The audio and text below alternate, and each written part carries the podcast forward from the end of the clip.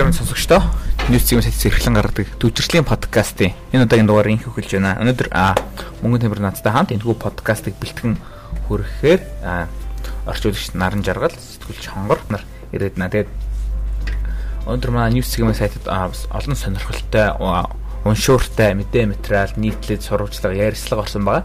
Энэ бүхнээс та бүхэнд орчлон хүргэе. Өнөөдрөөс гадаа их цастай тийм сайхан өдөр байна та бүхэнд цастай өдрийн мэндийг хүргэе. Тэгээд энэ дахиад дугаарыг эхлүүлье. Тэгээд өнөөдрийн онцлог ихний материал болохоор бие оршихуйн зөрчилдөөн эрхчлөөрөө тэмүүсэн үдшгээд а манай хонгор сэтгүүлчийн очиж сурвалжлсан юм монодрам байгаа. Тэгээд энэ талаараас хонгороос ярихгүй юу?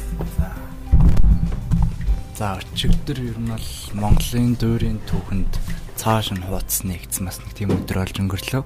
Аа тэгээд ганц цагаан шоу гэд моно дуур драмын театрт тоглогдлоо. Тэгээд а тус зохиол дуурийн зохиол болохоор 2014 онд нэрт найруулагч Эрдэн болгон а тэгээд дуурийн дочин төвшин төгс алтан гэрэл нар ерөн санаачлан зохиогоод зохиож байсан бол 8 жилийн дараа инхүү ингээд тайзнаа тоглогдож байна. Тэгээд хөгжмийн зохиолын хувьд бол сюрреалист буюу орчин үеийн хөгжмийн найруулгаар хийгдснээрээ илүү их онцлог байлаа. Тэгээд тэр дундаа зөвхөн орчин үеийн минималист тэр хөгжмийн найруулга тэр бас энэ Монгол хөгжмийн бас онцлогийг бас шингээснээр онцлог байлаа. Аа тэгээд ганц цагаан шоу гэж нэрлэх болсон шалтгаан нь ерөөхдөө бол цагаан шоу аа дагтаа бол ерөөхдөө бол эрхчлөөний бэлэгдэл тэгээд хүний дотор нөгөө нэг ямагт цагаан шоу байдаг, эрхчлөө байдаг гэсэн үг. Тэгээд одоогийн нөө хурдтай хөгжиж байгаа нийгэмд хүн ерөөсөө тийм тэрийг ерөөсөө анзаархаа болчдөг. Ер нь дотоод оршихуу өөрөөрөө байх тэр нөхцөл боломж огт бүрддэг юм байна л да.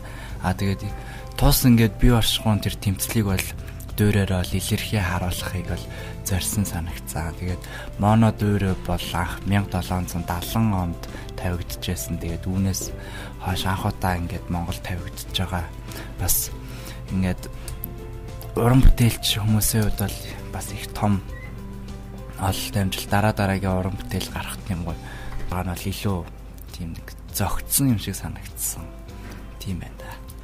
Хэдэн минут үргэлжлүүлэх юм бэ? Аа ер нь бол энгийн дөр бол ерөөхдөө бол 3 цаг гаруй үргэлжлэнэ шүү дээ. Яг тэгэхээр очиртай 3 толгой эсвэл Чингис хаан дуур гих мэт ч нөгөө 3 цаг гаруй маш олон хүний бүрэлдэхүүнтэй тоглогддог.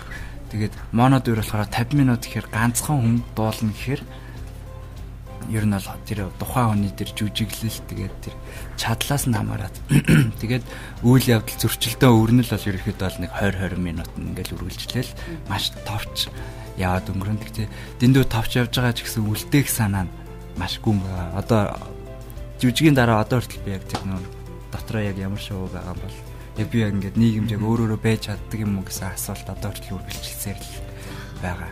Тэрүүгээр ер нь онцлог байсан. Ер нь ганц удаа тоглогдсон тийм ээ. Тийм. Ашигын арилжааны бос гэж байгаа.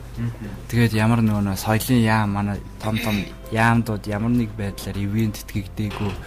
Тэгээд нөгөө нэг нэрт найруулагч Эрдэнэ болгоны гигэн дурсгалд зориулагдж байгаагаар онцлог. Тэгээд цаашдаа бол намар бол ахин тоглогдох бол төлөвлөгөө байгаа. Тэгтэл харах эцэслэн шийдвэрлэж чадаагүй гэсэн байсан. А та бүхэн сэтгүүл сонирхолтой нийтлэлийг уншихыг хүсэх юм бол News Segment сайтыг бие орчмын зөрчилдөөн эрхчлөөр тэмүүлсэн үдшиг гэсэн юм бас юм гоё бичгтэй нийтлэл байгаа шүү та бүхэн олж уншаарай. Тэгээ манай дараагийн ярилцах сэдв болохоор Арабын хавар дахин давтагдах вэ гэсэн гадаад тайм байгаа. Наран жаргал орчуулагч юм бэлтгэсэн. А бас гурил будаа хүнс тэжээлтэй холбоотой. Тэгэд энэ Арабын хавар гэж юм бас 2010 онд анх тохиосон юм байна л да. Тавс энэ талаараа дэлгэрүүлэх ярихгүй юу? Тий. Гурил будаа гэдэг чинь одоо нөгөө нэг дайнтай холбоотойгоор дэлхийн маш олон оронд одоо хүнсний хомсдол, экспорт, импортын асуудал нүрэлсэн гэдэг ерөнхийдөө энэ талаар байгаа. За дээр нь арабын хавар гэж юу яриад байгаа гэхээр яг мэдгүй хүмүүс бас байж магадгүй. Энэ нөгөө нэг 2010 оны сүүлээр эхлээд ерөнхийдөө нэг жил гаруй хугацаанд үргэлжилсэн ийм арабын орнууд одоо тэр хавийн орнуудыг хамарсан маш олон орныг хамарсан ийм жагсаал байгаа. Тэгэхээр энэ ер нь бол шат дараалал ингээл эхлээд нэг улсад болоод байж дахиад нэг улсад болоод маш олон оронд болсон гэсэн. Хамгийн анх 2010 оны сүүлээр Тунис улсад эхэлж исэн бол явандаа ингээд ойрхот орнууд Хойд Африкийн орнуудыг хамраад эхэлсэн. За тэгээ ер нь бол арабын ертөнцийг бараг бүхэлд нь хамарсан учраас арабын хавар гэж нэрлээд байгаа. За тэгээ энэ арабын хавраар юу болсон бэ? Яагаад хүмүүс жагсаад байна вэ гэхээр ерөнхийдөө Улс орон болгонд ингээд жагсаал янз бүрийн 50 болон 50 бус байдлаар янз бүрээр үргэлжилсэн боловч нөхцөл байдал ингээ харилцаа адилгүй мэт боловч яг том зургаар нарах юм бол цаад одоо шалтгаан нь Улаанбаатар үнийн өсөлтийн үнийн өсөлт бол ерөнхийдөө асуудлын гол зүмэн байсан. А тухайн үед болохоор яг хүнсний үнийн индекс 106.7-оос 131.9 болж өссөн гэд нэгдсэн үндэсний байгууллага одоо хүнс хөдөө аж ахуйн байгууллагаас тогтоочсон ба. Тэгэхээр 106-аас 131 болсон гэхээр маш их хэмжээгээр өссөн гэсэн үг болчиход байна. За тэгээд энэ дээр ерөнхийдөө одоо нөгөө нэг арга хэмжээнүүд хүмүүс ихсний эцэд ингээд энэ тухайн улс орнууд өнөдөртөгчөд огцор очих юм ингээд янз бүрийн байдлаар ер нь бол жагсаалууд үргэлжилсэн байна. Тэгэхээр одоо нөгөө нэг энэ яг энэ үний өсөлт гэдэг юмнаас үүдэлтэй хүнсний асуудлаас үүдэлтэй энэ жагсаал ингээд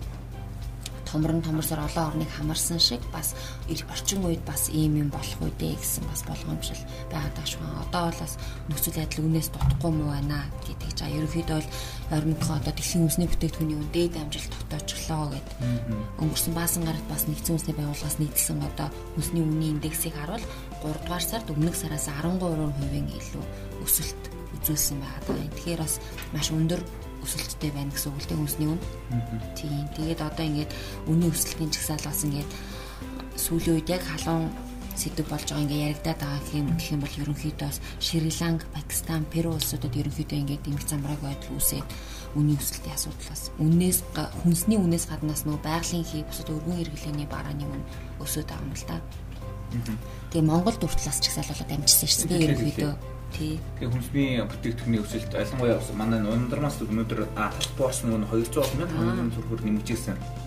Бас ийм нийтлэл бичсэн ба яг энэ Араби хавар дахин давтагдах үе тэгээд энэ талх борцны үн нэмэгдсэн чинь хоёр нийтлэл айгуу тийм цаг үе болсон би эндээ төстэй зүйл байгаа. Тэгээд ер нь бол одоо нөө талх борц гэдэг чинь ингээл бас л нөгөө улаан буудай үр тарианы асуудал гэсэн л үг шүү дээ тий. Тэгэхээр нөгөө одоо Орос Украин гэдэг хоёр улсын чинь ерөнхийдөө дэлхийн үндэсний банк гэж бас нэрлээд байгаа. Тэгэхээр яг дэлхийн хэмжээнд тариалж үний дүүр тарианы 6%-ыг үйлдвэрлэдэг энэ хоёр улсад ингээд янз бүрийн хориг арга хэмжээ олон ингээд дайн байлдаа үргэлжлээд байгаагаас болоод ингээд улс орнуудад ингээд бүхэлдээ хомсдолд ороод эхэлж байгаа юм л да. Тэгэхээр энэ одоо хүмүүсийн хоол хүнснээс эхлээд малын тижэл хүртэл байгаад байгаа. За тэгээд Улаанбуудаа үр тарианаас гадна дахиад наран цэцгийн тос гэхэд л Украинд одоо дэлхийн наран цэцгийн тосны талын үйлдвэрлэдэг тэгж байгаа байхгүй юу? Одоо яг Ундрмагийн яг нийтлэлээр байна. Томоохон гурван үйлдвэр энэ сар нарийн бомны үнэ 200-аас 650 төгрөгөөр нэмжээгээд. Аа. Аа тэгээд а дөрөвдүгээр сар гарснаас хойш өвөөж талах чихэр зэрэг үйлдвэр талах борцны үнэ нэмсэн бол өмнө жин бол жин тул компани борцны үнэ 1500-аас 3500 төгрөгийн төгрөгөөр нэмсэн гэж байгаа юм чинь баг нөгөө арттай боо нөгөө мазаалчлын бомб баг 100000 төгрөг давсан юм. Баг 1 кг махны үнэтэй болж болж байгаа юм нөхцөл байдал үүсэж байна л да. Тийм одоо энэ түүхийдийн хийхэд одоо энэ талбооны түүхийд Улаанбууд 10 гээл одоо жишээл ярьлаа гэхэд чинь одоо 2 сарын 24-нд Оросын төрөнгөйлөл хийснээс хойш яг Улаанбуудаа үн бол 21%-аар өссөн. 10 үн 33%-аар. За тэгээ зарим бордооны үн 40%-аар өссөн. Тэгэхээр маш өндөр хуваар ер нь бол өссөн байгаа юм л та. А тэгээд гурилаас бусад бүх орц тээвэрлэлтийн зардал нэмэгдсэн учраас үн одоо үн чингэсэн ингээд нэг юм бас тээвэр логистик хэл гайлийн асуудлыг үн нэмэх гол шалтгаанаа болгож бас үйлдвэрлэгчид ярьж байна. Тэгээд жишээ татхад өнгөрсөн 7 1000 1400 төгрөг худалдааж байсан атар атардлагыг 4-р сарын 11-ээс 1600 төгрөгөөр худалдааж эхэлсэн ийм мэдээ байна. Тэгээд тээвэр логистик нь хэл гайл гэсэн толгойд өнөөдөр засгийн газар хуралцсан байгаа. Тэгээд хэд тань чухал асуудлуудыг хэлэлцсэн. Тэгээд үүний нэг нь бол ажлын хэсэг хөлийн дөрвөн бондод ажиллана гэдэг. Босоо тээвэрлэж экспорт, импортын ачаа барааны гацалт, тээврийн үн гэдэг энэ бүгдээ одоо төр бас өөрийн одоо чадах бүхнээ өөрийн өөрсдийн хүрээнд ингээд хатуу тэмцгээ өнийг барихаас ингээд мэддэгдээд ингээд ажлуудаа эхнээс нь хийж байна. Тэгээд а үүнээс гадна энэ зүйлийг хийгдсэний а нэг нь болохоор үндэсний баяр харгын тухай хуулийн шинжилсэн найруулгын найруулгын төслийг улсын хурд өргөн байрна гэж байгаа. Ирэх бас 7 дугаар сард ард дэвшлэн 100 болон 101 жилүүдийн нэгжир одоо хамтдан тэмдэглэх учраас энэ энэ бүгдээс өмнө хуулиас эхлэх а тийм асуудал байгаад байгаа. А тэгээд мөн дархны төмөрлөгийн үйлдвэр үйлдвэрийн концессийн гэрээ цуцлав гэсэн мэдээ байна. А банкыг хариуцдаг компани болгох асуудлыг хийлцнэ гэдэг ийм дэдгээс өнөөдөр усын хур засгийн газрын ээлж сурлаар ярилцсан та хүмүүс энэ энэ бүгдийн талаар дэлгэрэнгүй мэдээлэл авах хүсвэл News Segment сайтын улс төр болон төвчлөөрөө гэж хэлээ. А тэгээд өдөрс гадаад ерөөхдөө манай мэдээ материалыг илүү тийм хүмүүс анхаарал татсан байна. Тэгээд Шанхай хөл хорионы бодит байдал гэсэн бас юм нийтлэл орсон байгаа. Та бүхэн уншаарай. Шанхай хотод одоогийн байдлаар хөл хорионы байдал үргэлжлэн хിവэр байгаа. Хүмүүсийг одоо гэрт нь одоо юу гэдэг нь хорж байна. Тэгээд эзэн ковид авсан тэрийн хижээвэр амжтыг устгад оруулж ингээд нэг иймэрхүү бичлэгүүд цахим орчинд яваад байсан л да. Таас мэдээг бэлтгэсэн гэдэг энэ талаар ярихгүй юу? Тийм одоо Шанхай хот бол 26 сая хүн амтай. За тэгээд ер нь бол нөгөө өмнөх хөл 20 20-оор ард иргэдэн харьцангуй одоо дуулууртай их нэгдмэл байдалтай байсан бол одоо бас ингээд эсэргүүцлээ илэрхийлж эхэлж байна. Энэ нь бас нэн тэргуунд нөгөө хүнсний асуудалтай холбоотой хоол хүнсний хангамж хүрэлцэхгүй. За тэгээд бас нөгөө нэг хангамжийг одоо нөгөө түгээдэг ажилтнуудын хүрэлцээ муу байгаагаас үүдэлтэйгээр одоо нэг хотхон дунд ч юм уу ингээд хоол хүнсийг нийт дунд нь аваачаад хайчаар ингээд тал талаас нь булаацлаж орж ингээд замраагүй байдал үүсэж байна. За дээрэс нь бас нөгөө хүмүүс өөрсдөө хоол хүнсгүй ингээд төвчээр марагдаад супермаркетыг тонох гэх мэт ингээд энэ сайн сайн хэрэгүүд бас нэлээд гарсан байна. За тэгээ нөгөө нэг амьтдыг эзэн эзэнгүү болсон гэж тэгсэн чинь бас дээрэс нөгөө хүүхдүүдийг эцэгхээс нь тусгаарлаж байгаа. Одоо хүүхд чинь хөл коронавирус туслаа гэхэд эцэгхээсээ тусгаар ингээд байж байгаа байхгүй. Тэгмүүд энийг болохоор ерөнхийдөө нөгөө нүүбийн хүний эрхийн байгууллагаас болохоор бас ингээд хүүхдийн эрхийг зөрчсөн үйлдэлээ гэдэг хэлж байгаа юм. Энэ нөө Twitter тавигдсан бичлэгээс харахад одоо 200 гаруй хүүхдийг ийм одоо тусгаарлах байранд тусгаарлцсан. Тэгээ энийг ерөөхдөө нөгөө нэг зохихосоор насар чаламжилж чадахгүй 200 хүүхэд дээр 10хан сувлагч ингээд хариуцаж ажиллаж байгаа гэх мэт ингээд янз бүрийн юмнууд бас нэлээд байх шиг байна. Ямар ч Шанхайд бас Шанхай гэлтгүү бас Азийн зарим орнууд те Солонгос аа тэгээд Япон бас бас н Оросд ч бас ер нь өсөд байдал хэцүү. Манай Монголд харин харьцангуй гайгүй халдварын тохиолдол нь одоо баг 10 дотор эргэлж байна тий. А бас хүнд хөнгөн хүндөвтөр өвчтэй хүмүүсийн тоон багассан бас юм зүхэндээ сайн гэх юм тий. Сайн мэдээ а бас байна. Шанхайгийн халдварын тохиолдолч одоо сая хөл хорионы хугацаанд 170 мянгад авсан гэдэг. Энэ нь болохоор ихэд одоо түүхэн дээд хэмжээ болчихлоо гэдэг ч үлээ. Яа, Солонгос бас өнөөдөр харахад 200 мянга авсан байсан. А шинээр халдвар авсан хүмүүсийн А гэтэл манай монголчууд ч баг масксаа салгаад нөгөө баг ковидгүй зуныг угтлаа л та тий. Тийм нэг ийм аа бас дэлхийн өмс орон тарч сайн мэдээ гэх юм уу байна. Манай Монголд бас тэгээд өнөөдөр төрийн өмчт бодлого зохицуулалтын газрын дарга Цэнгэл гэдэг хүн а төрийн ордонд байхдаа сэтгүүлчдэд мэдээлэл өгсөн. Бас ямар мэдээлэл өгсөн бэхээр мөн л химнэлтийн гоёронтой холбоотой.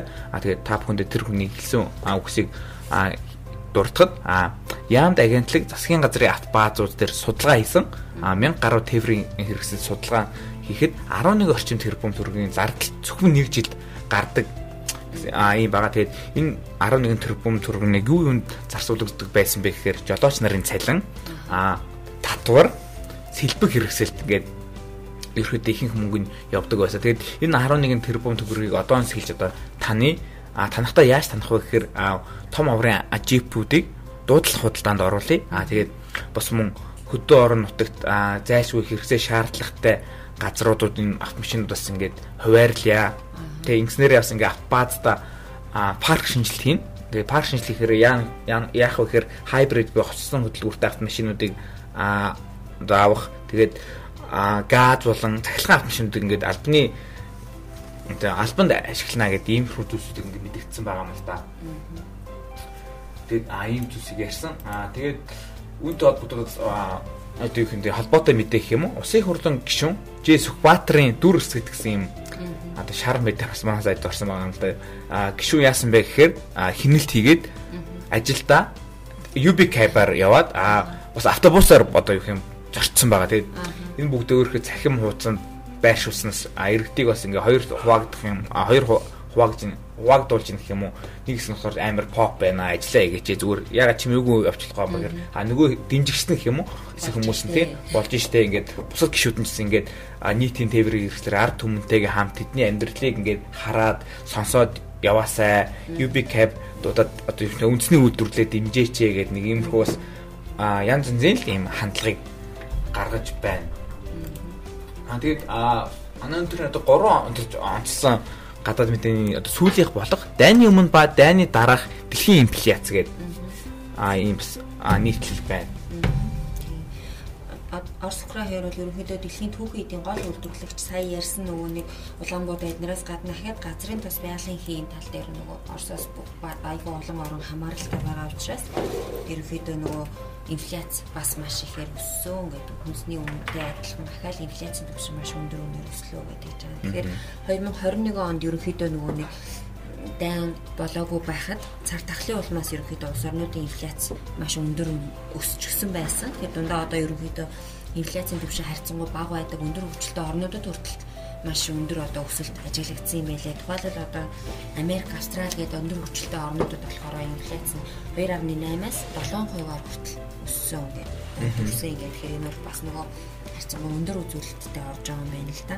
Энэ нөгөө өмнөх онтойгоо харьцуулбал хоёр дахин өссөн үзүүлэлт байгаад байна гэдэг тийж байгаа. Тийм. Тэгээд одоо ерөнхийдөө энийг бас бүсчлээд аваад үзчихсэн байгаа даа тий. Европ бүсэд хятадын бүсэд Америкийн нэгдсэн улсад яаж юм гээд Европ бүсэд ерөнхийдөө 3 дугаар сарын инфляц нь жилийн дундаж дүнгээр 7.5% хүрсэн. Энийг бол нөө өмнө байгаагүй өндөр үзүүлэлт гэж үзээд байгаа. Өмнө ямар байсан бэ гэтэл нэг жилийн өмнө ердөө 1.3% байсан. Тэгэхээр бас л 1.3-аас 7.5% гэдэг чинь асар өндөр өсөлтийг үзүүлсэн гэсэн болоод байна. За тэгээд энэ хятад дээр бол ерөнхийдөө хэрэглээний үнийн индекс мөн л 1.5%-аар өссөн. Гэдэг энэ дундаа ахаад хүнсний бүтээгдэхүүн хэдүүгээр бусад бүтээгдэхүүн хэдүүгээр хүнсэн дундаа ахаад гахаа хэдүүгээр ногоо хэдүүгээр гэдэг ингээд детальчлаад орчихсон. Энийг бас хүмүүс өөрсдөө сонирхоод унших унших хүсэх юм бол бас гарчгаар нь ороод уншиж болно. Тэгээд өнөөдөр манай ньюс тэгээс энэ төргүүтэй маш сонирхолтой материалууд орсон байгаа. Тэгээд а яг залуустай гэх юм уу бууланд насандаа тохирсон цагаа хэрхэн сонгох вэ гэсэн сонирхолтой нийтлэл орсон байгаа шүү. Та бүхэн бас а ороод аль таны наснаас ямар төрлийн цаг тохирох вэ гэдгээс хараараа та бүхэндээс ингэ жишээ дурдах юм бол залуу залуу хадуу 20 насныхан ямар цаг зүгх вэ гэдэг одоо юм зөвхөнтэй жишээ нь энэ насны эрчүүдэл хөнгөн чимэн загвартай үйлдэлийн систем хялбар мөртлөө ойлгомжтой цаг илүү зохино гэдэг ингээд зөвлөгөөнүүдэд бичсэн байгаа. Тэгээд цагнуудын одоо жишээ байгаа. Тэгээд боловсон 30 насныхан ямар цаг зүгх вэ а эдэр 40 насныхан эрхчлөө 50 насныхан амар гамглан 60 насныхан амжилт амжилтын 70 70 насныхан гээд ингээд нас наснаар нь ингээд айгүй гоё детальчлаад тайлбар нь бичээд тэгээ жишээ цагийг ингэж харуулад ингээл ирчүүд дээр ярьсан юм бол тий та хүмүүс ингээд орж уншаарай.